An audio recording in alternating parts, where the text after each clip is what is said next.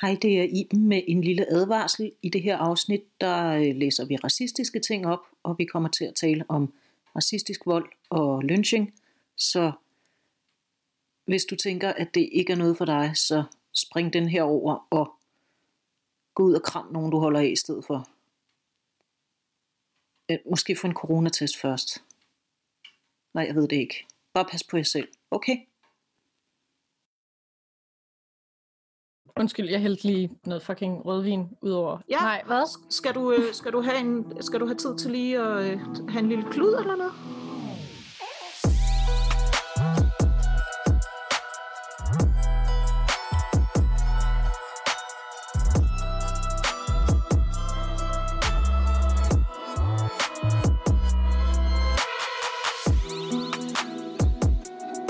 Altså, Sara, jeg, øh, jeg vil spørge, om der er sket noget siden sidst, og om du har været vred over noget siden sidst, men øh, Jesus. altså, det har vi sgu faktisk ikke tid til, fordi... Oh, fucking lord. Something, something mink, something, something menstruation, som er noget nyt for en hel masse andre mennesker. Something, Mhm. mm-hmm. something. Nej, men jeg... Ja. Og Ja. så er der øh, nogle øh, familier, der er blevet øh, fucking smidt ud fra deres, fra deres øh, lejebo, fordi at en 17-årig søn er blevet straffet for at protestere mod Paludan. Det er skønt. Længe leve demokratiet og ytringsfriheden i øvrigt. Så, det var det. det er super lækkert. Der er også en, der er en anden elefant i rummet. Jeg var lige ved at sige helt bogstaveligt, som vi ikke kan komme udenom, som er sket siden sidst. Ja. Øh, der har været et valg Mm-hmm. hen i, øh, hen i den der failed state. Inde i det øh, mest kaotiske tredje verdensland, der overhovedet findes. Jeps. Ja. Og øh, Mhm. nu, jeg, jeg vil gerne læse et tweet op, som jeg synes sådan kunne være udgangspunktet. Øh, Robin Thede, hun skriver, To be clear, this wasn't a presidential election. It was just a survey on how much this country loves racism, and most white people checked the box for very satisfied. ja. ja. Jeg ser ingen løgn. Nej, det kan jeg fandme heller ikke. Hold nu kæft. Så jeg synes, at vi skulle tale videre om den her racisme i USA, og hvor den kommer fra, og hvordan den er kulturelt forankret. Men kommer den ikke fra Trump? Jeg troede, at racismen var bes- besejret nu, og at øh, Ja. den eneste racist, øh, den, den store øh, boss fight, var færdig nu. Ja. Om racismen var jo væk allerede, da Obama blev præsident. Så kan man jo ikke være et racistisk land, hvis man har en sort præsident. Så det er svært. Som ignorerer Black Lives Matter, og Ferguson skete ligesom under ham. Og øh, ICE blev også introduceret ved de amerikanske... Nå, Du spolerer den gode stemning. Jesus fucking Christ, jeg gør Har det du igen. lært intet? Det er derfor, jeg ikke bliver inviteret med til noget. Yeah, you ruined Christmas. ja. Nej, vi skal tale om bind 2 af Borte med Blæsten, som dækker, Fuck. dækker den periode, der bliver kaldt for rekonstruktionen. Den periode, der kom efter borgerkrigen. Mm-hmm. Vi har tre temaer, vi sådan lige skal dække. Det, jeg vil sige, det er tre temaer, der har en del med hinanden at gøre. Vi skal tale om lynching, vi skal tale om Ku Klux Klan, vi skal tale om, dare I say, the invention of Karen. The Karening, if you will. Okay, så lynching, bare for, som dem, altså dem, der er i tvivl om, hvad der er tale om, så er der jo tale om, når man hænger en øh, politiker ud online. Ja. Det er lynching. Ja. Øh, Ku Klux Klan, de er en type af ekstremist, hvor der jo er ekstremister på den anden side af spektrummet. Good Øh, og people on both vi- sides. Præcis, øh, og bad people on both sides. Så vi skal mm. jo aldrig nogensinde glemme, når vi sætter fokus på Ku Klux Klan, at vi også nævner andre, som er modsætninger. Øh, fordi de, det er lige så slemt. Øh, Altid. ja. Altså, the Karen, der er også, Karen er jo blevet sådan en vildt voksende størrelse. Den Karen, vi skal tale om i dag, hun vil ikke snakke med manageren. Hvad hun derimod gerne vil, det er at øh, råbe piv, når en sort mand kigger forkert på hende, and then he dies. Well, that's, that's what you get for doing a sexism. Ja, sådan er det bare. Ja, surt. Og jeg starter i slutningen af bind 1, og det var en del af bind 1, som jeg ikke lige tog med sidst, fordi den hører tematisk med under rekonstruktionen. Den slår faktisk alle temaer op, så den, den fungerer som en god lille primer. Vi efterlod jo øh, Scarlett O'Hara på øh, Tara, sin fædrene gård, plantage. Alle de lumpne n-words er stukket af. De loyale husslaver er blevet, og nu Mhm. skal de så ligesom forsøge at skabe sig et liv og brødføde sig selv, uden at udnytte hundredvis af købte menneskers gratis arbejdskraft. Så Må jeg allerede lave en parallel? Ja da. Det er jo tragisk, at det her det skete for Scarlett O'Hara. Den her generationer lange familietradition på deres plantage, som de ikke længere får lov til at gøre på grund af en fascistoid regering, som har besluttet sig for på udemokratisk vis at øh, tage deres levebrød fra dem. Oh my god, you have no idea, hvor tæt du lige kom der. Fordi Something, something mink is what I'm trying to say. Yeah, so, I, I got it, I got it. Okay, okay, jeg skulle jeg bare mente, lige... jeg mente ikke, at den var nødvendig, men altså, hvis vi har lyttere, der er tilpas daft, så er det fint, at vi fik den skåret ud i pap. Ja, okay, okay. Uh. Men øhm, nu læser jeg lige noget op, ikke? Fordi Scarlett, hun sidder her og taler med nogle af sine øh, hvide venner. Scarlett forstod ikke, at der var vendt op og ned på alting, og at ærligt arbejde ikke mere var i så høj kurs. Georgia, Georgia-staten, øh, det foregår i, Georgia var faktisk i belejringstilstand. Yankee-tropper lå garnisoneret over hele staten, og de frigivnes bureau havde ledelsen af alt og lavede lovene, som det passede i deres kram. Dette bureau, der var blevet oprettet af unionsregeringen for at tage sig af de arbejdsløse og ophidsede eksslaver, lokkede dem i tusindvis fra landet og plantagerne ind til byerne. Bureauet forplejede dem og forgiftede deres sind mod deres tidligere ejere. Because you need an outsider to do that. de kom bare ind sådan, what? Var det dårligt? Jeg havde ingen Var anelse. det dårligt? Alle de pisk, jeg gjorde det ondt. Nå. Øhm, Præcis, vi sang bare Let My People Go for sjov. Geralds gamle forvalter Jonas Wilkerson ledede det lokale bureau med assistance af Hilton, Kathleen Calverts mand, og disse to var utrættelige i deres bestræbelser for at udsprede det rygte, at sydstatsfolkene og demokraterne bare lurede på en lejlighed til at bringe endord dansk flertal tilbage til slaveriet igen. Og den eneste måde, hvorpå endord flertal kunne undgå denne skæbne, var ved at give sig ind under byrådet og republikanernes beskyttelse. Wilkinson og Hilton fortalte en videre endor, at de var lige så gode som hvide, at ægteskaber mellem endor og hvide snart ville blive tilladt, og at enhver endor ville få tildelt 40 acres land og et muldyr som ejendom, når nu snart deres tidligere ejers godser ville blive udstykket. De holdt endor i en tilstand af stadig ophidselse og had, og mistænksomheden bredte sig stærkt. Så siger Will, som Scarlett sidder og snakker med, hvis de ønsker at klemme en for ekstra skatter den ene gang efter den anden, så kan de gøre det. Akkurat ligesom en endord nu kan slå en hvid mand ihjel uden at blive hængt for det, eller han stansede for lejnt. Og hos dem begge dukkede erindringen op, hvad der var hent en enlig hvid kvinde på en ensom beliggende farm i nærheden af Lovejoy. Disse N-word flertal kan tillade sig alt over for os, og de frigivnes bureau og soldaterne støtter dem, og vi kan hverken stemme eller gøre noget som helst for at forhindre det. Here's a lot to unpack. Det må man nok sige. Hold I'm gonna do altså, that. Jeg er jo ikke stor fan af voldtægt. Du kender mig. Øh, men du ved, something, something, narrativet om virkelig smukke hvide kvinder, som var pisse uimodståelige over for sorte mænd. Something, something, hvide mænd har gjort det samme over for slaver. Something, Ja, der- something didn't happen. Ja, øh, sådan som jeg læser historien, så var det mere eller mindre umuligt for en sort mand at sådan breathe the same air som en hvid kvinde, uden at blive øh, hængt og travlet i små stykker.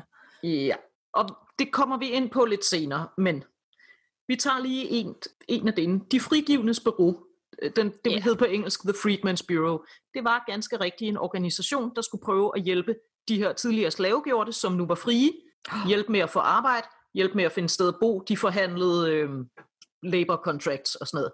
Ja, det var sådan et bureau, som ligesom skulle prøve at få frigivende folk på benene og give dem en fucking start her i livet. In the, in the words of Greta Thunberg, how dare you?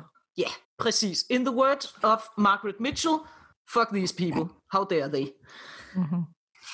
Så fik vi lige besøgt 40 Acres and a Mule. Det var en ting, som var, øh, jeg tror det var General Sherman, der ville tage nogle forladte plantager, som ejerne havde forladt under krigen, og så udstykke dem og give tidligere slaver noget fucking land, de kunne dyrke. Which, I mean, that would have been fine, hvis de havde fået 40 Acres and a Mule. Så Så den, de skulle have fået mere efter min store Ja, overbevisning. Men det fik, de, bare- det fik de ingen gang, så den lægger vi bare... Ja, det blev sagt, og så var der nogle andre, der sagde, nej, men vi kan jo ikke pille ved den private ejendomsret. So that didn't happen. den, den, den private ejendomsret begynder at græde. Og i øvrigt, den private ejendomsret er en naturlov. Øh, Mhm. Forstået på den måde, at øh, de her øh, hvide familier, som har haft plantagerne til at starte med, de fik dem bare sådan, Der boede jo ikke nogen før. nå know. nej. Så det vil jo være metal med, hvordan tingene er, Præcis. hvis man ændrer. Og ja. så øh, besøgte vi lige det der med, hvad der hente en enlig hvid kvinde. Vi kommer rigtig meget til det i bind 2.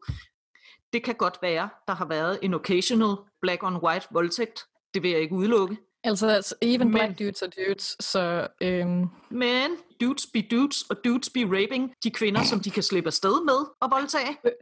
Women be shopping, og men be raping. Når man seriøst, ja, sorte mænd voldtog også, men de voldtog skulle da sorte kvinder, som ingen alligevel gav en fuck for. Jeg skulle lige til at sige, but who cares? Mænd som voldtager, det er så min tese, mænd som voldtager, de ved udmærket godt, hvad de laver. Og der skulle da ikke mm. sorte mænd, der var stupide nok til, at der ville komme en bølge af masse voldtægt mod hvide kvinder. Derimod, så var der jo hvide kvinder, også senere hen, som synes, at det var lidt interessant at være sammen med sorte mænd. Du siger det der i datid, som om at det ikke allerede sker, men jeg, jeg, yeah. jeg altså, nu kører, nu kører jeg fuld, fuld øh, kvindehed på den og sexisme, ikke? Mm. Men øh, hvis man har fået at vide i årvis af kulturen, at man er uimodståelig på grund af fair skin, mm-hmm. øh, så kan det jo måske også være, at man bliver godt og gammeldags øh, paranoid, hvis det giver mening. Øh, det kan altså, også man... godt være, at man bare synes, at øh, den mand, som kiggede på en, han havde en forkert hudfarve, og han skal ikke, fordi man er rampant racist, så det skal han ikke kunne slippe afsted med, and now he needs to suffer. Meget ligesom for nylig i New York i en park, hvor der var en sort mand, der bad en hvid kvinde, om hun gad at fucking tage en snor på sin hund, mm-hmm. fordi han var lige ved at kigge på nogle fugle. Ja, hun, og den skulle... hun ringede til politiet og sagde, at der står en African American mand og truer mig. Det er sådan en særlig kind of Karen. Jeg vil opfordre til, hvis man interesserer sig for det her, læs Ida B. Wells, og læs også om nogle af de sager, hvor hvide kvinder, og det her, det siger jeg velvidende, hvor problematisk det er, og hvor sjældent jeg ellers ville sige det, det der med sådan, nå, du fortrød nok bare, at du havde sex med ham, og så råbte du voldtægt bagefter. There's some evidence, that det faktisk skete når de her hvide sydstatskvinder blev taget i og knippe rundt med en sort arbejdsmand, for eksempel, når deres mænd fandt ud af det. That's the bullshit med det der intersektionalitet, det er, at det nuancerer tingene så pisse meget. Altså sådan, så kan kvinder ikke være uskyldige i alle sammenhænge. Sådan kører det jo. I don't know. Øh, hvor tit i historien er det hent, at en eller anden øh, dyrt har skulle finde på en historie for, øh, hvorfor han er gået i seng med en, lad os sige, en tyk kvinde. Åh oh, jo, vi kører lidt i det samme narrativ af, at man må ikke indrømme over for andre, eller sig selv for den sags skyld, at man givetvis ikke følger de der eurocentriske mm-hmm. tynde skønhedsidealer osv. osv. Uh, that makes perfect sense. Men nu skal vi høre, hvem det rigtigt er synd for. Mm-hmm. Det er rigtig synd for de hvide øh, sydstatsmænd. Det var jo sådan, at øh, hvis man havde holdt sådan high office i konfederationen, eller havde øh, kæmpede i hæren, så havde man, man skulle afgive sådan en unionsed efter, altså man skulle ligesom pledge allegiance til det samlede USA, før man kunne få sin stemmeret. Og det ville de jo aldrig nogensinde gøre, ifølge den her Margaret Mitchell-bog, fordi de var jo Confederates. Ah. Nå. Vi hopper lige lidt i tid. Scarlett, hun øh, stjæler sin søsters kæreste, forlovet, ja. og gifter sig med ham, fordi at han har nogle penge, så de kan betale skatterne på Terra. Og øhm, så flytter hun til Atlanta, fordi der har han en købmandsbutik, og øhm, så bor hun i Atlanta, og så en mørk nat, der kommer en af gutterne, Tony Fontaine, Tony okay. Fontana, øh, hjemme fra, øh, han kommer på besøg, og han er på flugt, fordi at han har skudt en sort mand, og som han forklarede, han var kommet hjem, øh, og så deres gamle formand havde stået i køkkenet. Han optrådte ved køkkendøren i dag, mens Sally stod og lavede middagsmad. Og jeg ved ikke, hvad han sagde til hende, og jeg får det sandsynligvis heller aldrig at vide. Men han sagde et eller andet, og jeg hørte hende skrige. Jeg styrtede ud i køkkenet, og der stod han fuld som en alge. Jeg skød ham ned, og mens mor løb ind for at tage sig af Sally, fik jeg fat i min hest og redde sted til Jonesboro. Så du ved, en sort mand, ikke engang voldtog, bare var åbenbart sagde et eller andet, var ubehøvlet over for en hvid kvinde, så han fortjener selvfølgelig at blive skudt, men lo and behold, det er der så nogle lokale af de der yankier, som har Georgia i administration, som synes var nederen, så nu er Tony efterløst. Og det er derfor, han kommer til Atlanta, og han er på flugt. Stakkels ham. Stakkels Tony. Fordi det må vi jo forstå, hvem det er, der lider under de her lynchinger. Så siger Tony til Scarlett. Og tænk sig, at jeg nogensinde skulle komme til at have N-word. De forbandede sorte sjæle. De tror alt, hvad disse slyngler fortæller dem, og glemmer hver en snus, vi har gjort for dem. Øh, endnu, endnu en gang meget at unpack, altså med, at de Jamen, er nogle stakkels, øh, øh, oh god, fuck. Nu taler yankierne om at give N-word stemmeret. Men også vil de ikke give lov at stemme. Ja, der er som mænd knap nok en håndfuld demokrater i hele distriktet, som ikke er afskåret for at stemme, nu når de har slettet en hver, som kæmpede i konføderationshæren. Og hvis de giver N-ord stemmeret, er det ude med os. Staten er der for pokker vores. Den tilhører ikke yankierne. Ved Guds, ah. Ba, ba, ba. ved Guds skarlet, det er ikke til at finde sig i, og det vil ikke blive tålt, om det så betyder en ny krig. Snart får vi N-word som dommer og lovgivere. Sorte aber for junglen. Holy fucking shit. Yep, Okay. I don't, I don't like this Tony guy. Nope. Ja, rygtet sagde jo, at Wilkerson var gået for vidt i sin ligestilling af N-word, engelsk flertal. Han havde den frækhed, den Tony stammede hjælpeløst i det, og sige, at N-word havde ret til, til hvide kvinder. Åh oh, nej, Tony. Bam, bam, siger Scarlett. Oh no, ikke det. Not our women. Not no. our women. Og de, our women's. jeg vil gerne lige repeate nogle af, af mine yndlingssætninger fra det her. Det er, Okay. de glemmer alt, vi har gjort for dem. Og hvis de giver N-ord stemmeret, er det ude med os. uh, yeah, maybe it should be. And also, Ja. what the fuck? Altså, det er jo meget fint, at øh, politisk konflikt er gået op for lille Tony her. Det er meget fint. Og snart bliver de, bliver de dommere. Ja, og nu er det nemlig, at, at det er synd for Tony, fordi bare fordi han har skudt en sort mand, der sagde noget til hans kone, så nu er han pludselig på flugt, ellers bliver han hængt. Og øh, det er et meget lækkert greb, hvor man ligesom gør det her, den her lynching-trussel til noget, der truer de hvide øh, sydstats. Hvis nogen ikke ved det her, dengang der var det demokratiske parti, det var sydstatsracisterne, og republikanerne var de gode, som var mod slaveri. I know this is so weird, men det var sådan, det var dengang. Og så Nej, på et eller andet vi- vi... tidspunkt, så lavede de en switcheroo. Bare rolig. Vi har fået at vide indtil flere gange af nutidsrepublikanere, at de var the good guys for lang, lang tid siden. Du ved, det er lidt ligesom at være socialdemokrat og sige Åh sådan, oh ja, "Jamen, den gang i 70'erne, der var vi skide gode, så Ja. derfor må vi gerne være rådne nu. Jeg er ikke helt med på den, øh, Nope. den logik, men det er, det, med, det er ikke desto mindre det, der, det, der kører. Men okay, så øh, må, jeg, øh, må jeg sige et øh, ordsprog? Fordi Øh, det, ja da. det, pop, det poppede lidt op i mit hoved, da han sagde, øh, når det er ude med os, når de begynder at stemme, hvad nu hvis der kommer dommer og sådan noget. Kender du øh, det danske ordsprog, tyv tror, hver mand stjæler? Ja, det gør jeg. Det er sjovt. Det virker lidt som om, at der er en tyv her, der er ude i en idé om, at alle mennesker har hans øh, tendenser til shitty opførsel. Ja. Yeah. Nu læser jeg noget mere. I wish you wouldn't. Ja, I'm gonna. God. Nu skal vi høre, hvor undertrykte de hvide sydstatsfolk faktisk var her efter krigen, og hvor synd det faktisk var for dem. Det er Scarlett, der øh, har nogle skide fede funderinger. Hun kunne blive myrdet, hun kunne blive voldtaget, og sandsynligvis blev der intet foretaget af den grund.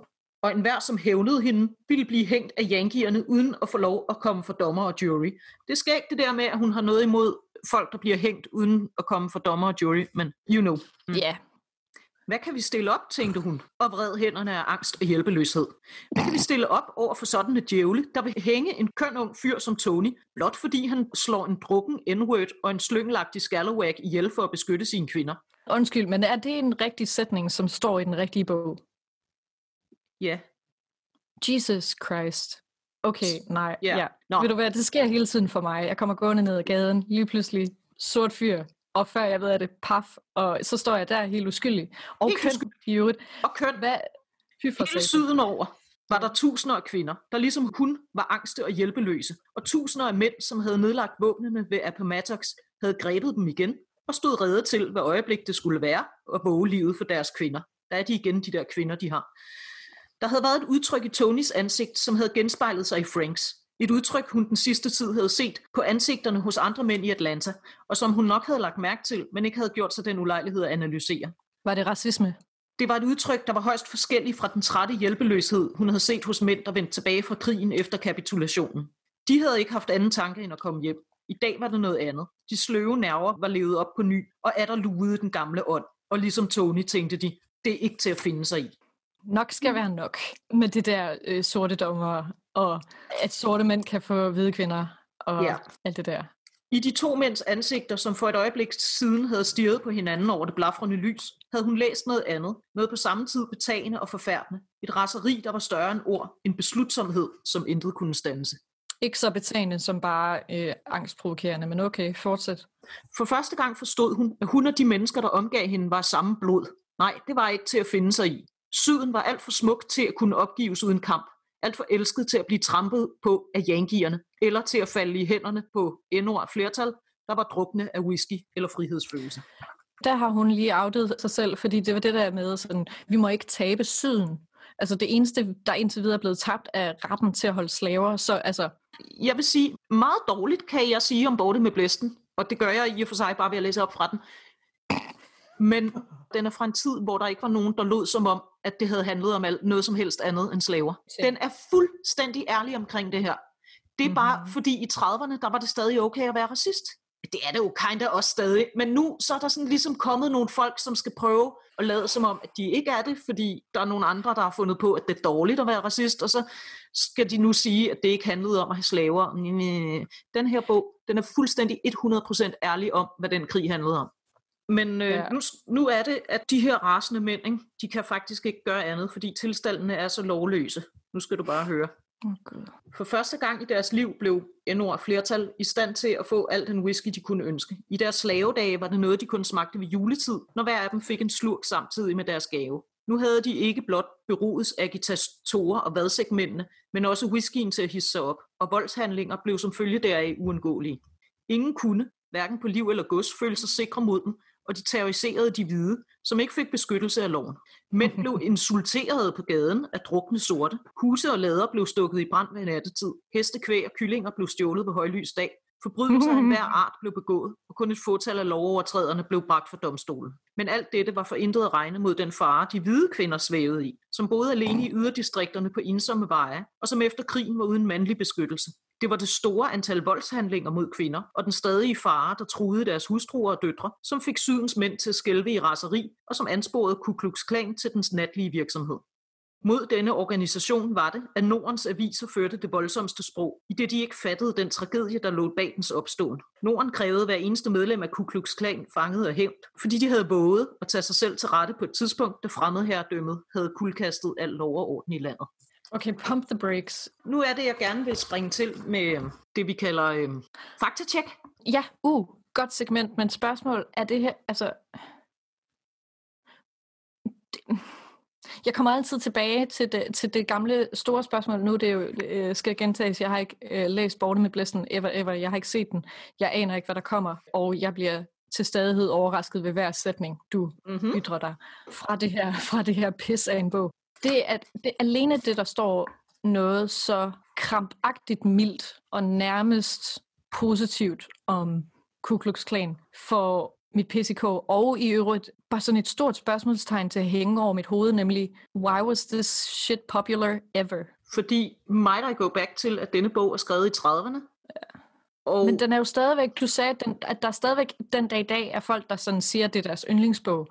Og så er det, vi er tilbage til folk, der siger, Nå, men man må jo også tænke på, at den er, den er et udtryk for den tid, den er skrevet i. Og så er det jeg tilbage og siger, ja, den er skrevet ikke i den samtid, den beskriver, men i en tid, hvor man har rigtig, rigtig travlt med at omskrive historien om, hvad der er sket. Og en af de ting, som man omskriver, det er den her historie om, at Ku Klux Klan var sådan en selvtægtsorganisation, som gjorde, hvad de var nødt til at gøre, fordi der herskede lovløse tilstande.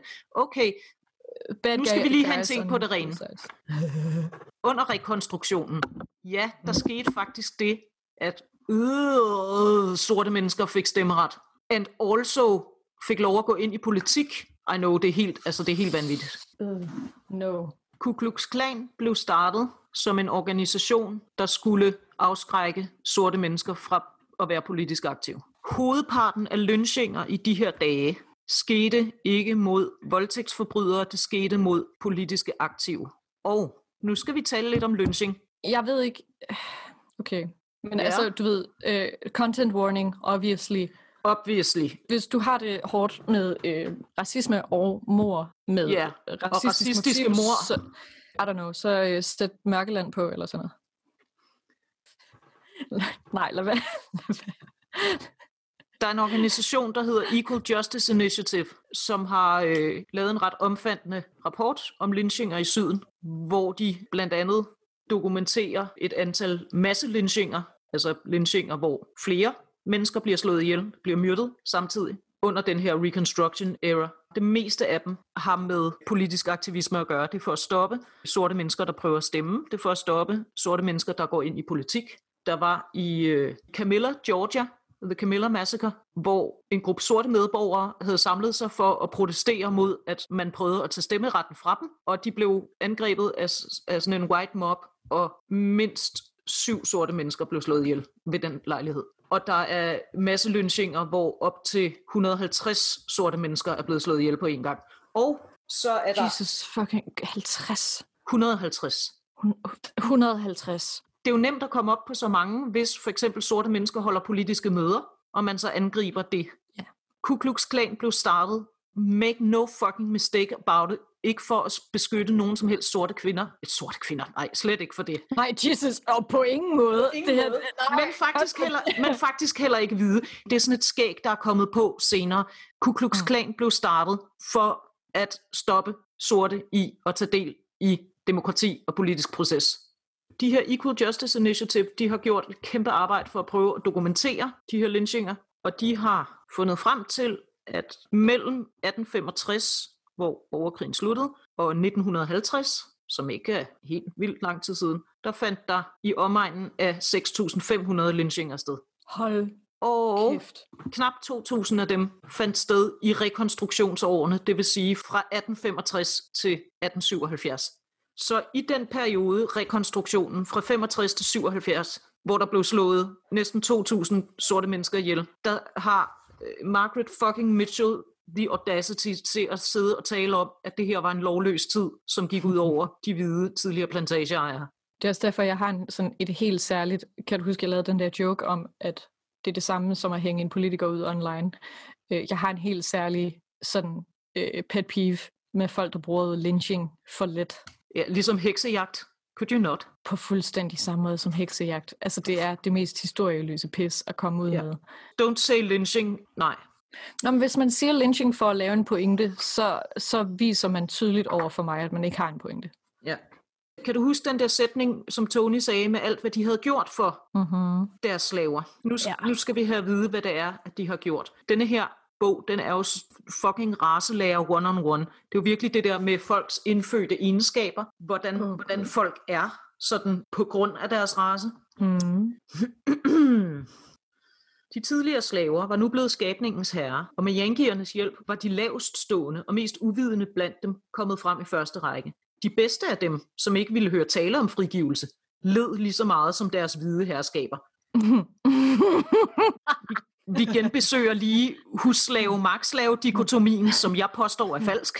Fordi, som vi talte om sidst, husslaver led også, særligt fordi, at de som oftest var sorte kvinder, og særligt fordi, at det indebar den daglige voldtægt. Det, som er min påstand, det er, at den her husslave magslave dikotomi er en white trope.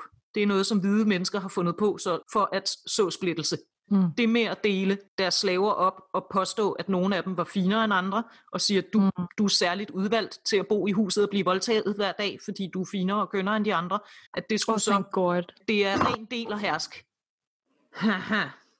De bedste af dem, dem hørte vi jo om sidst. Alle de der mange, mange, mange enormt lojale husslaver, som jo blev hos deres masters og arbejdede gratis, fordi det var det eneste, de nogensinde gerne bare ville i tusindvis af husslaver, den højeste kaste inden for slaveinstitutionen, var forblevet hos deres hvide herskaber og udførte nu arbejde, som i gamle dage havde ligget langt under deres værdighed.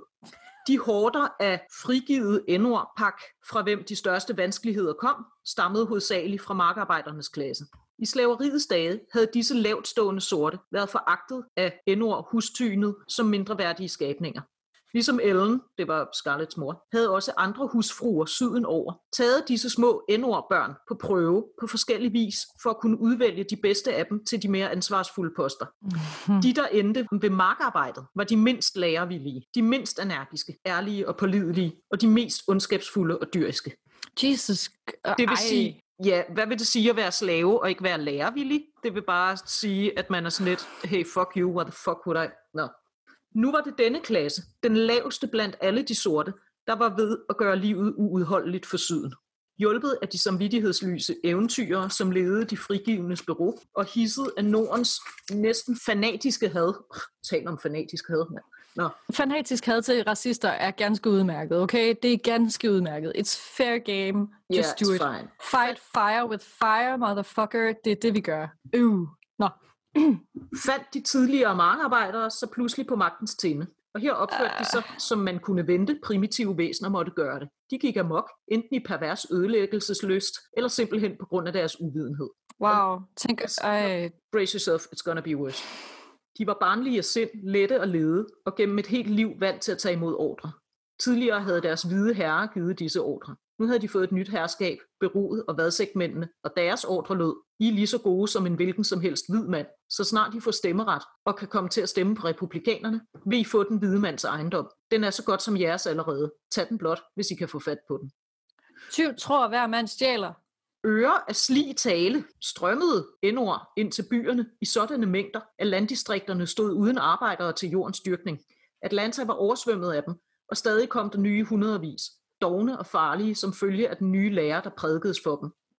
Da de boede sammenstuet i smudsige hytter, udbrød der snart både kopper, tyfus og tuberkulose blandt dem, og vand som de var til at deres fruer, da de var slaver, tog sig af dem, forstod de ikke, hvordan de skulle pleje deres syge. Og beruget var alt for optaget af politiske sager til at kunne tage sig af endord, som de tidligere ejere havde gjort det.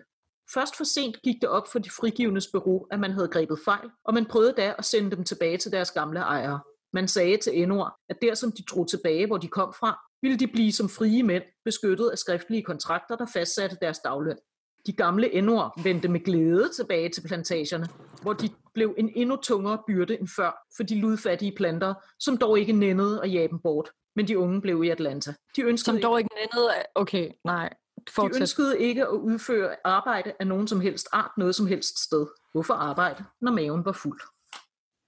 Så Wow, this is some... Det, det er godt nok... Øh, det er... Prøv at høre. Og så skal vi lige... Øhm, fucking... den her historie, okay. Så lige pludselig så stod folk og var frie.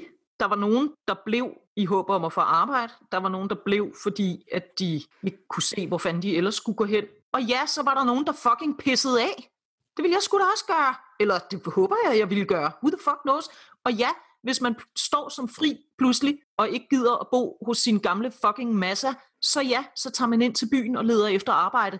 This is not rocket science. Så strømmer man til byerne, fuldstændig ligesom vi andre kridhvide mennesker gjorde under industrialiseringen. Mm-hmm. Når der ikke er arbejde at få på landet, så strømmer man til byerne og leder efter arbejde, og så bliver man klumpet sammen under nogle mildest talt elendige forhold, og så opstår der alskens sygdomme. Skal vi lige vende tilbage til, hvordan at dengang de var slaver, der var det deres hvide fruer, der tog sig af dem, når de var syge, og derfor vidste de ikke selv, hvordan man gjorde.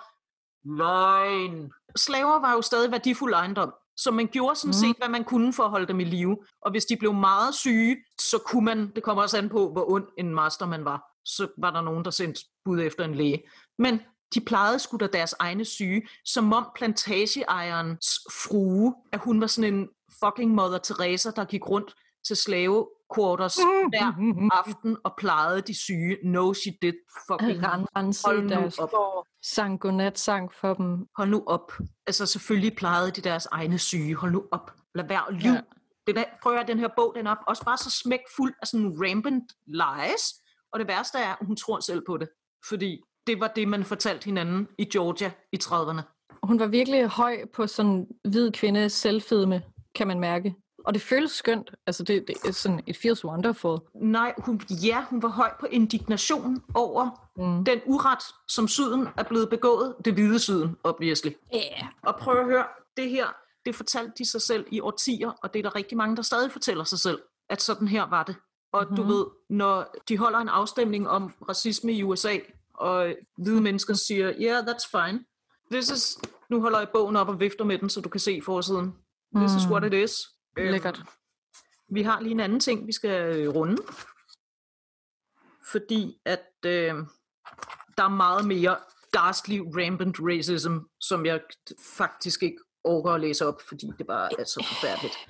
Jeg prøver at kun læse de sektioner op, hvor jeg har en pointe med at læse noget ghastly racisme op, som er sådan, hvordan er de her myter opstået, hvor kommer de fra, hvad er det for en fortælling, det spiller ind i, og synes I selv måske derude, at I kan genkende nogle racistiske trupper herfra, så øh, er det nok ikke helt tilfældigt.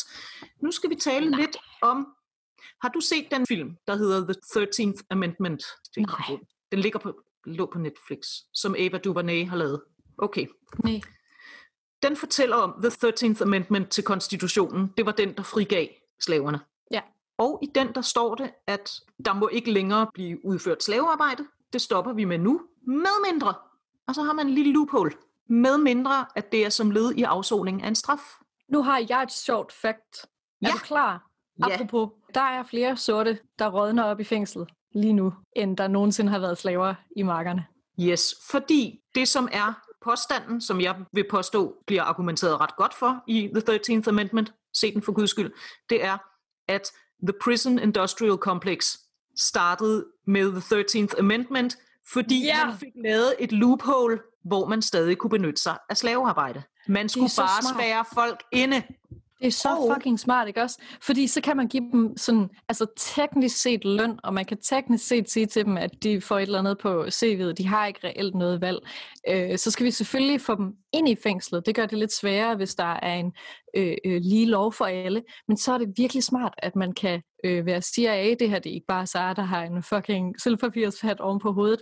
Øh, indrømmet, dokumenteret og vist, at øh, så kan man jo meget fint for eksempel lave en... Øh, bestemt lov, som gør det ekstra strafbart at øh, sælge eller benytte crack cocaine, som adskiller sig betydeligt fra øh, hvid kokain. I skal ikke nødvendigvis kende forskellen, men hvid kokain, altså det vi kender som det hvide pulver, det er øh, Som noget også er hvide, white people cocaine. Ja.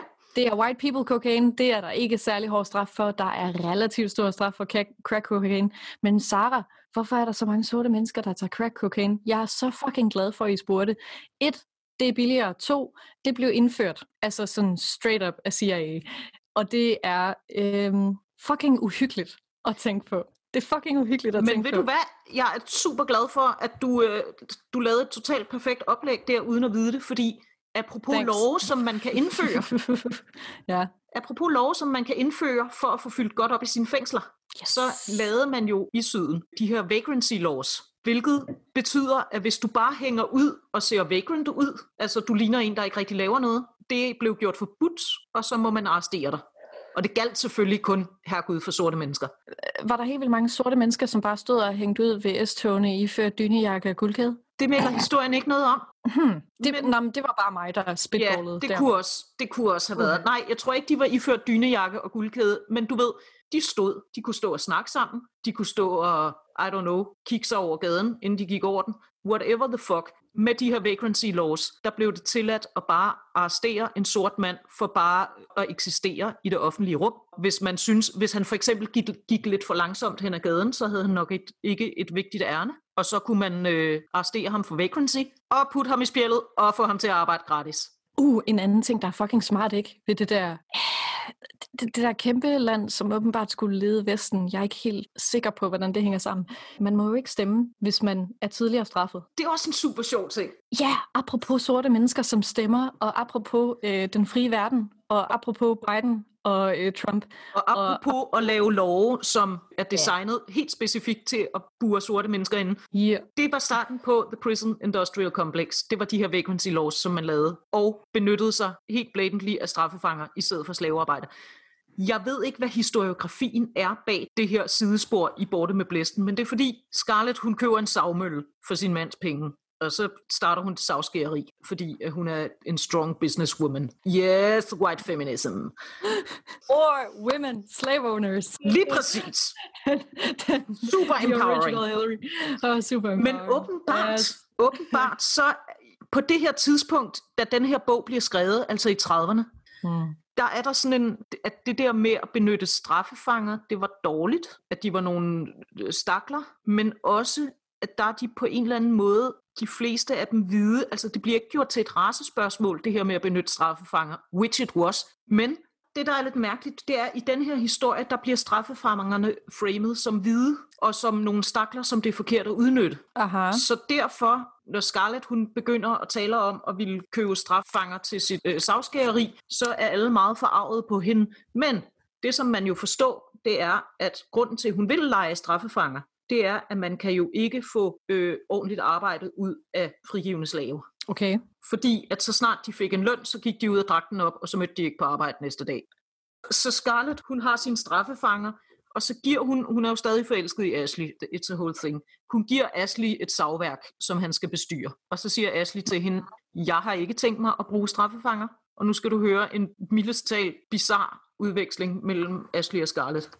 Scarlett spørger, må jeg spørge, hvor du i det hele taget vil få andre savværksarbejdere fra? Jeg vil ansætte frigivende endord, sagde Ashley. Frigivende endord og gå hjem og buk. Du ved vel, hvad deres timeløn løber op til. Og desuden... Åh oh, nej! Ja, I mean, skal de penge for deres arbejde? Helt ærligt. What the fuck? Jesus. Ej, my god, jeg tror, jeg bliver nødt til at lægge ned. Du ved vel, hvad deres timeløn løber op til, og desuden får du yankierne hængende over dig hver minut for at kontrollere, at de sorte forstegte kyllinger tre gange dagligt og hver aften bliver puttet ned i deres søde små senge. Og stikker du en doven endnu et par på kassen for at sætte lidt fart i ham, så skal du høre yankierne skråle farvet op herfra til Dalton, og til sidst sætter de dig i spjældet for mishandlinger. Nej, straffefanger er det eneste. Mm-hmm. Og Ashley han er sådan lidt, ja, det er meget fint, jeg vil ikke bruge straffefanger. Og så siger hun, men hvorfor? Og så siger Ashley, jeg kan ikke finde mig i at tjene penge på andres ulykke. Og så siger,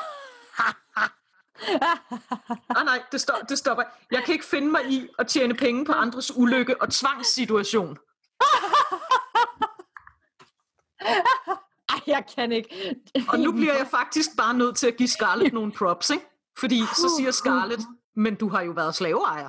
Wow, hun, okay, så hun, Scarlett, hun, hun steg lige sådan i wokeness level. hun kom lige op til overfladen. Okay, okay. Hmm. Okay, Hmm. og nu skal du høre en fed tale fra Ashley. Slaverne var ikke elendige stakler. Okay, Ashley. Og fordi Ashley er en meget ædel mand, og desuden ville jeg have frigivet dem alle sammen, når min fader var død, hvis ikke krigen var kommet mig i forkøbet med friheden til dem. Oh, for sure. Men dette her er noget helt andet, Scarlett. Hele systemet frister til grove misbrug. Det er du måske ikke klar over, men jeg ved det. Jeg ved udmærket godt, at Johnny Gallagher har dræbt mindst en mand i sin fangelejr. Måske har han dræbt flere. Hvem regner en tugthusfanges liv for noget? Han sagde, at manden blev dræbt under et flugtforsøg, men sådan fortælles historien ikke af andre. Jeg ved, han tvinger folk til at arbejde, uanset om de er så syge, at det er ren tortur. Kald det overtro, om du vil, men jeg tror ikke, der kommer nogen lykke eller glæde af penge, man har skaffet sig for andres lidelser.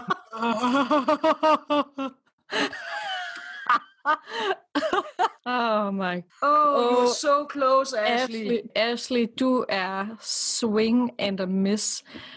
Wow. Ashley, han er Ashley, sådan... du, you øh, tried. Du kom lige op til luft og sagde, om jeg vil faktisk også have frigivet slaverne. Og så dykkede du ned igen og sagde, men de havde det jo super svedigt, og der var i hvert fald aldrig nogen slaver, der blev slået ihjel, arbejdet ihjel, slået ihjel under flugtforsøg, hmm, banket til døde som straf. hmm. That sort of also happened. Men det gjorde det ikke i den her bog, der havde de du super fedt. Nej, nej. Nej, nej. Og, og meget, meget vigtigt. En meget vigtig pointe, det var jo, at sådan nogle, øh, de, de navngivende hvide karakterer, de brød sig ikke om at piske eller straffe. Altså, det var meget vigtigt. De gjorde det Ja. stadigvæk. De synes, det var rigtig hårdt. Ja, det er jo ikke, fordi jeg kan lide det. Og det, øh, det fjerner jo, as we know, inden for logikkens rammer, ens ansvar. Frank, Scarletts mand, han, han har det også svært ved brugen af straffefanger. Og det er fordi, Sarah, at dette forekom ham at være en handel med menneskelæmer, som kunne sidestilles med prostitutionen. I det mindste tjener prostituerede kvinder. De, de, tjener penge, okay? I det, Mindre de har en pimp. Men altså, øh, prøv at høre her. i, den, i min, øh, jeg tror, jeg vil få en blodprop. Jeg kan ikke. Det er skægt, at den myte har fundets i 30'erne. Det synes jeg faktisk er interessant, at det der med at lege straffefanger var på en eller anden måde underlødigt og ufint. Mm-hmm. Og, og at de her straffefanger bliver framet som hvide, det gør de i øvrigt også i filmen. Aha. Seriøst, det der med at bruge straffefanger som arbejdskraft under rekonstruktionen, det er bogstaveligt talt starten på The Prison Industrial Complex i USA. Nå, nu skal vi høre, hun møder jo Sam. Kan du huske Sam, som hun mødte i Ben 1, hvor de lavede den der joke, hvor hun sagde sådan, ah, hvad er I stukket af? Og så, det var den hjerteligste spøg. And we laugh and we laugh, ja ja. Ja. Øh, Hun møder Ja. jo Sam igen, og Sam har været i nordstaterne. Og øh, Sam, han skal ikke nyde noget. Sam, han har været oppasser for en øh, Yankee-oberst, og har været med på turné i øh, nordstaterne. Og øh, det bliver et nej tak for Sam. det skal han ikke bede om. Det skal han ikke bede om, fordi nu skal du bare høre her. Det her det er så skrevet som, at det er Sam, der taler, og det er noget af det mest nedladende, barnagtige fremstilling af et menneske, vi kan komme over. Alright. Så kom Yankee-soldaterne og fangede mig, og en oberst tog mig til at passe sin hest og sine støvler. Sam blev ikke frigivet, han blev fanget. Åh, oh, du godeste. Han tog mig med til Washington og New York og til Boston, hvor han bor. Og nu er jeg en berejst endord, og jeg har set så mange heste og vogne på gaden, at man ikke kunne spytte for dem med Scarlett. Hvad synes du om at være oppe i nordstaterne, Sam? Sam krassede sig i uldhovedet. Don't. Både ja og nej. Okay. Ja, just-. Både ja og nej. Obersten var en vældig flink mand, som forstod os n-word, men hans kone var helt anderledes. Hun kaldte mig mister i begyndelsen, og jeg var ved at falde om, hver gang hun gjorde det. Han sagde til hende, hun skulle kalde mig Sam, og så gjorde hun det. Men alle yankierne kaldte mig Mr. O'Hara, når de traf mig første gang. Og de sagde til mig om at sætte mig ned, og at jeg var lige så god som dem. Og jeg har aldrig siddet ned med hvide folk, og jeg er for gammel til at lære det. Og de sagde, at jeg var lige så god som dem, men i deres hjerter kunne de ikke lide indrødt. De var bange for mig, fordi jeg er så stor. Og de spurgte mig hele tiden om blodhundene, som jagede mig, og de pryl, jeg fik. Og jeg havde aldrig fået pryl med Scarlett, for Miss Gerald ville aldrig tillade nogen at pryle en så kostbar n som mig. Og da jeg fortalte dem, hvor god Miss Ellen havde været ved mig, og hvordan hun sad hos mig en hel uge, da jeg var syg, så ville de ikke tro mig. Jeg længte sådan efter Miss Ellen og Tara, så jeg ikke kunne holde det ud længere, og en nat løb jeg min vej og kørte med godstoget hele vejen til Atlanta.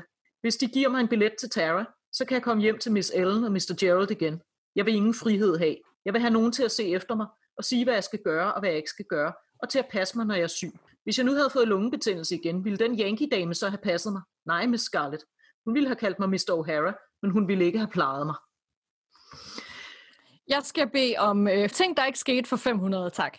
Vi har simpelthen mm-hmm. den omvendte runaway. Vi har en mand, der flygter fra sit frihedsliv i nordstaterne for at komme tilbage og være slave i syden. Det er det eneste, han vil have af livet. Det her sender mig durk tilbage til det. Kan du huske den gang, hvor man læse, øh, vi alle sammen blev sådan tvangsindlagt til at læse et afskyeligt skriv af Alex Venabsler om, øh, om at øh, kvinder godt kan lide at blive sat på plads, eller whatever.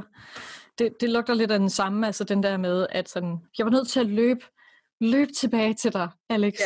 De andre mænd taler til mig som om, at jeg er ligeværdig, og jeg bliver så forvirret, og så begynder jeg at laktere, og jeg står bare der og fatter ikke en skid.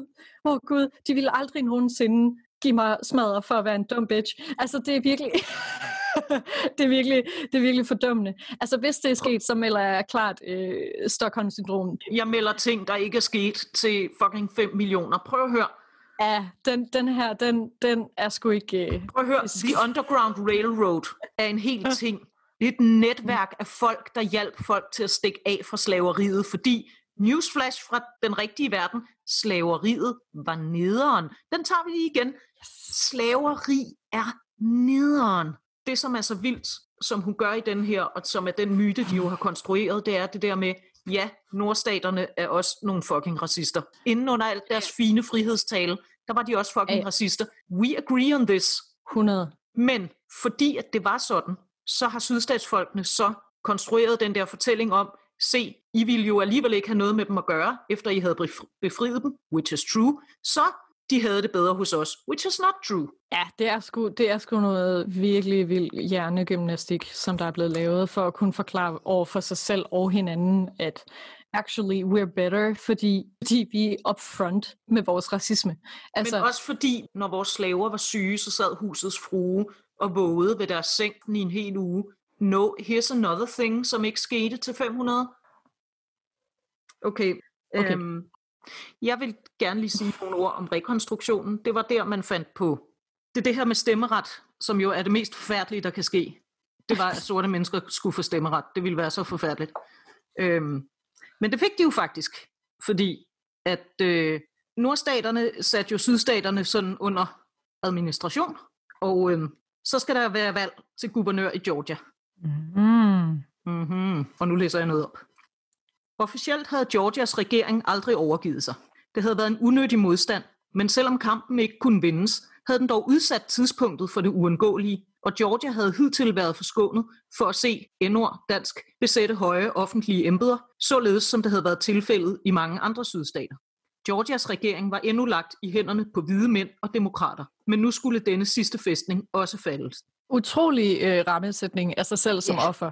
Det, Altså det er simpelthen Du, du, du godeste. Nu falder vi. Vi er den sidste sådan bastion, der er for Ja. sydstaterne, og stakkels os, åh oh, nej. Yes, så skal du høre det her.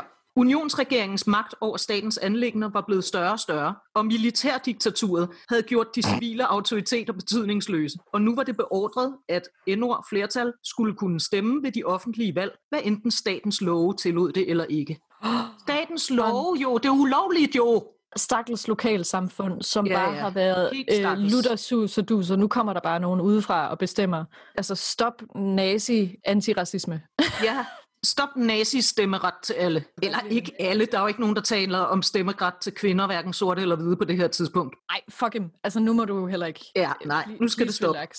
Nå, for fanden. Jeg er også lige nødt til at øh, katte op to speed, fordi Scarlett havde jo giftet sig med sin søsters forlovede, Frank. Men så sker der det, at Scarlett hun bliver overfaldet en dag, hvor hun er ude at køre. Og så øh, tager Frank og de andre Ku Klux Klan-typer ud for at hævne det. Jamen, det er en super lækker historie. Og så, øh, altså, øh, Helte. Altså, Helte. not all heroes uh, wear capes, uh, but these they uh, goddamn do. ja, Uh, wow. Hmm. Så øhm, Scarlett er så faktisk så heldig, at Frank bliver skudt under det her øh, hævntogt. Så skal hun ikke trækkes med ham mere. Det er jo meget godt for hende. Good for her. Og så er det, at Red Butler frier til hende. Det siger jeg bare, fordi at ellers så ville næste sætning måske være lidt mærkelig. En uge før Scarlett og Red havde bekendtgjort deres forlovelse, havde der været valg til posten som guvernør over staten Georgia. Sydens demokrater havde general John B. Gordon som kandidat, en af Georgias mest agtede borgere. Opstillet mod ham var republikaneren Bullock. No one is making this No one is making this shit up, det hed han faktisk, ham der blev guvernør i Georgia dengang. So, you know, But he, he war, mate. Uh, okay. ja. Mm. Nu skal du lytte godt efter det her, og så skal du høre, om øh, du synes, at det lyder som noget, du har hørt før. Valget havde varet tre dage i stedet for en. Togladninger af endord flertal var blevet sendt fra by til by, og de havde stemt på hvert eneste valgsted. Selvfølgelig havde Bullock vundet. Det der med, at nogen, fordi at de taber et valg, så beskylder modstanderen for det her med voter fraud. Jeg ved ikke, er det noget, der sådan ringer lidt bekendt i dine ører? The game is rigged. Ja, for søren. Grunden til, at jeg gerne vil dvæle lidt ved det her eksempel, det er, at øh, den der beskyldning, nu til dags er det jo republikanere, som laver den. Denne her voter fraud myte om folk, der stemmer igen og igen og igen flere steder, den starter her. Altså, den starter jo ikke i bogen Borte med Blæsten, men den starter faktisk her i sydstaterne som ja. en racistisk ting. Og man skal slet ikke tage fejl af, når folk, republikanere i USA, taler i dag om voter fraud, Mm-hmm. hvilke befolkningsgrupper det er, de taler om. Ja, yeah. hvis de gav tre fede fucks for demokratiet, så ville de være langt mere forstyrret over gerrymandering, over hvor svært tilgængelige deres valgsteder er, at der ikke er en helligdag, så sådan working class people, som ikke bare kan få fucking fri for at stå i en kø i fem timer, og så i øvrigt de lange køer. Altså, nej, jeg køber den ikke. Øh, Men- og jeg synes, det er ekstremt telling, at det først er, når man taber et valg, at man piper. Det er sjovt, du siger piper, fordi det er bare det, der hedder en dog whistle, som er, når man siger et eller andet, som ikke bliver sagt direkte, men den har sådan en overtone. Det er derfor, det hedder en dog whistle, fordi en hundefløjte kan mennesker ikke høre, men hundene kan godt høre den. Og det er der også sådan visse sætninger og begreber, som for eksempel mm. øh, law and order, war against drugs, som lyder sådan meget fredelige og fordragelige, og i virkeligheden, skal vi sige, aktiverer noget racisme. Ja, Beskyldninger om voter fraud i USA, det er en fucking racistisk dog whistle. Og det er her, den er startet. Og det er bare sådan, vi skal have helt på det rene, hvad det er, når man beskylder for voter fraud. Det er en racistisk dog whistle. Ja. Det vil jeg bare gerne sådan have sat lidt på plads. Videre i vores bog, fordi så sker der jo din bog. faktisk... Din, ikke vores, din bog. Det er din. Jeg vil gerne gøre lytterne opmærksomme på, at jeg har ikke...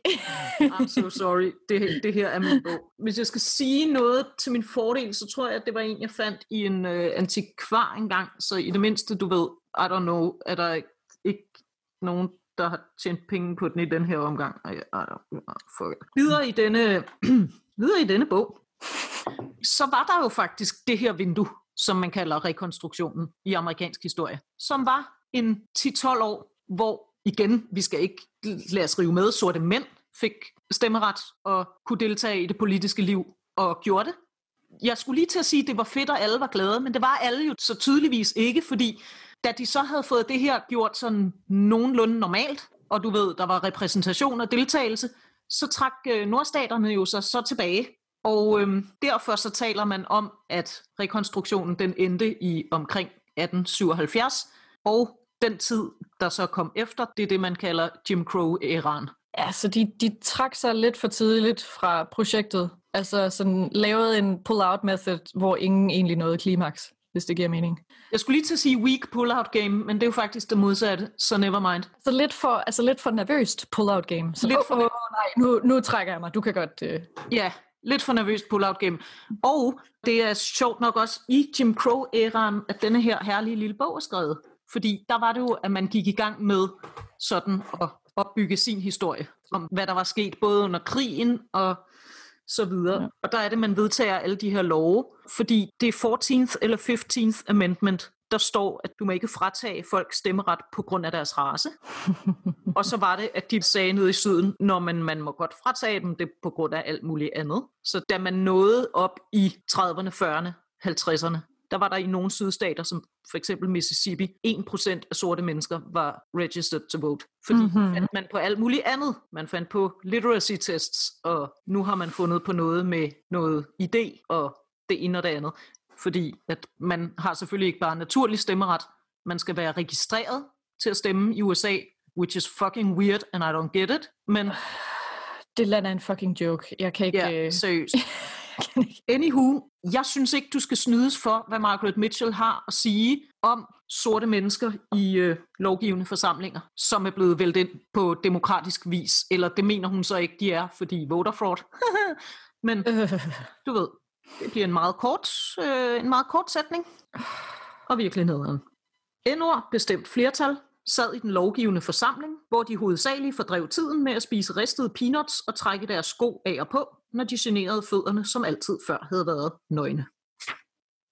Fy for satan. Gider du ikke bare sådan den akutte mangel på selvindsigt, når man har skrevet de her ord ned? Det virker så selvretfærdigt. Både offerrollen, men så også den her afsky for ting, som ikke er afskyelige. Det er bare folk, der spiser peanuts, my dude. Altså det, det man forklarer, er ikke entydigt afskyeligt. Men Jesus det er, også, det er ikke rigtigt. De brugte ikke tiden på at spise peanuts og tage deres sko af og på. De gik ind i politik. De var virkelig seriøse. De ville rigtig gerne deltage der findes alle mulige fantastiske fortællinger om sorte politikere og lovgivere og sådan community organizers og sådan noget i den her periode. Mm. Og hun reducerer dem til, ja, ærligt talt, basically At de spiller. De kan spise peanuts, og de kan trække sko af og på, som om de aldrig har set en sko før. Altså det er simpelthen, men det er bare for at sige, det der, det var, bare, det var helt normalt at skrive i 30'erne i sydstaterne. Og når det har været helt normalt at skrive, så er det fordi, at det har været helt normalt at mene og fortælle hinanden og vokse op i, at det var sådan, det var. Jeg har jeg har til gengæld al slags respekt for de her sorte mennesker, der nu åbenbart sidder og tager deres sko af på, og jeg tænker, at de måske gør nogle andre ting også, men det må jo så stå i det uvisse i historien. De her mennesker, de gik ind i politik med fucking livet som indsats, fordi som vi allerede Præcis. har slået fast, Ku Klux Klan blev ikke startet for at redde vores kvinder. Ku Klux Klan blev startet for at skræmme og true og myrde sorte mennesker, der gik ind i politik. Ja, det er en terrororganisation. Så er der i hvert fald i det her tilfælde tale om ildsjæle, fordi de har en kæmpe økse over hovedet. Det er ikke alle, der kommer ud af den her politik med livet i behold. De har idealer og et projekt. Altså, de stiller sig virkelig med kroppen forrest, helt bogstaveligt talt, mm. for at få rettigheder til et undertrykt folk. Og det skal, har jeg intet andet end respekt for. Altså folk, der går ind i politik til trods. Ja, og så husker vi lige, at der i rekonstruktionsperioden, som altså varede i 12 år, fra 1865 til 77, fandt lige knap 2.000 lynchinger sted. Så du ved, oh, de havde det bare super grineren med at sidde og spise peanuts. Fuck you. Ja, hilarious stuff. Oh my god. Nå, jeg vil gerne lige um, slutte med sådan en lille epilog, der er her til sidst i uh, bind 2, øh. som er den historiske baggrund for Borte med Blæsten. Og det er simpelthen sådan en lille, så kan man lige blive sat ind i, hvad der egentlig foregik. Nå da da. jeg læser i uddrag, jeg gider ikke læse den hele. Nordstatbefolkningen som helhed havde naturligvis intet virkelig kendskab til de forhold, hvor under sydens slaver levede. Deres opfattelse af slaveinstitutionen var stærkt påvirket af en sentimental agitation, for hvilken Harriet Beecher Stowes verdensberømte roman Onkel Toms Hytte var en fuldgyldig repræsentant.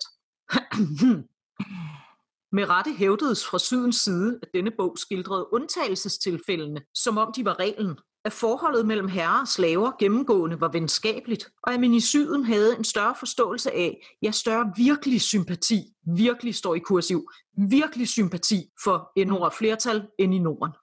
En hmm. kendskærning er det også, at der på overmåde mange af sydens plantager rådede et smukt og patriarkalsk forhold mellem de hvide herrer og deres slaver. Løgn? Med løgn på. It's just not true, Margaret. Ja, nej, godt. ja, nej. Det, det, men det er også bare fordi, at på crack. Så, nu springer jeg lidt, så fortæller hun om den her reconstruction, øh, genrejsningsperioden, som den hedder på dansk. Til gennemførelse af slaveriets ophævelse, tankestreg, krigens egentlige årsag, tankestreg slut.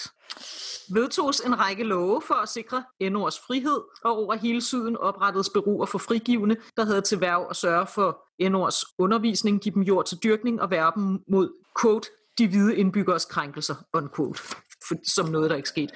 She actually said it. Krigens virkelige årsag. Nå, og så handler det om, øh, hvor hårdt militærstyre de var under, de hvide, det var meget oh, synd for dem, og oh. så står der her, det er en selvfølge, at det måtte vare længe, inden sydstatboerne bøjede sig for de ændrede forhold, og at de ikke uden modstand tålte de ydmygelser, som sejrhedernes voldelige fremfærd udsatte dem for. You got some fucking nerve at tale om voldelig fremfærd. Også bare sådan, at være ydmyget er ikke en god grund til at lynche 6.000 mennesker, okay? Jeg er blevet ydmyget indtil flere gange af andre og mig selv, og jeg har... Har du slået nogen ihjel? Altså, jeg har jo lynchet folk online, det har jeg jo øh, straight up fået at vide, men endnu ikke hængt øh, folk op nu slutter vi. Da det nye styre således af politiske grunde var tilbøjelige til at se gennem fingre med voldshandlinger og forbrydelser, som de frigivende endord i deres overmod begik, dannedes syden over hemmelige samfund, hvorved man forsøgte at tage sig selv til rette. Det mest udbredte af disse var Ku Klux Klan, som satte skræk i de overtroiske sorte ved fantastiske forklædninger og mystiske optog, og som på trods af de lovlige myndigheder fuldbyrdede sine egne domsafsigelser, der kunne gå ud på både drab og brand. Hele genrejsningens overgangstid skabte i syden en varig uvilje mod Nordens republikaner og en endnu varigere mod Nord flertal. Slut. Altså, der, der kunne have været et indslag nu, hvor vi prøver at perspektivere til nutiden, men øh, jeg melder umiddelbart, at man er fucking daft, hvis man ikke selv kan regne den ud. Hmm. Ej, jeg kan ikke understrege det her. Når folk siger, det er jo den tid, den er skrevet i, den fortæller ikke ærligt om den tid, den beskriver. Nej. Den er ikke skrevet under rekonstruktionen. Den er ikke skrevet under slaveriet. Det her, det finder du hos white people i 1930'erne, der skal retfærdiggøre deres lortesag og deres lortekrig. Den er ikke ærlig omkring slaveriet, den er ikke ærlig om rekonstruktionen. Det er flat out historieforfalskning. Og jeg beskylder ikke Margaret Mitchell for at have gjort det med vilje, for hun har uden tvivl troet på det bullshit, fordi mm. hele syden er sibt ind i den der bullshit-myte, og de tror stadig på rigtig meget af den.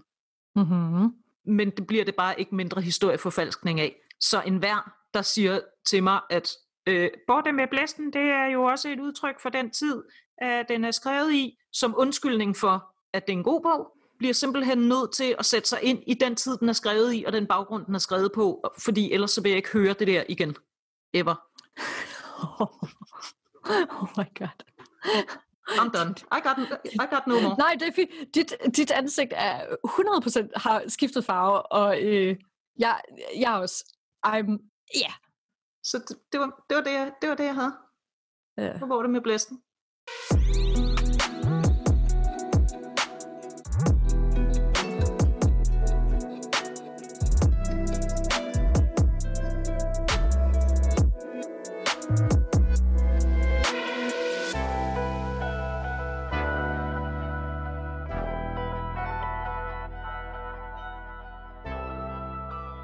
Næste gang skal vi tale om filmen.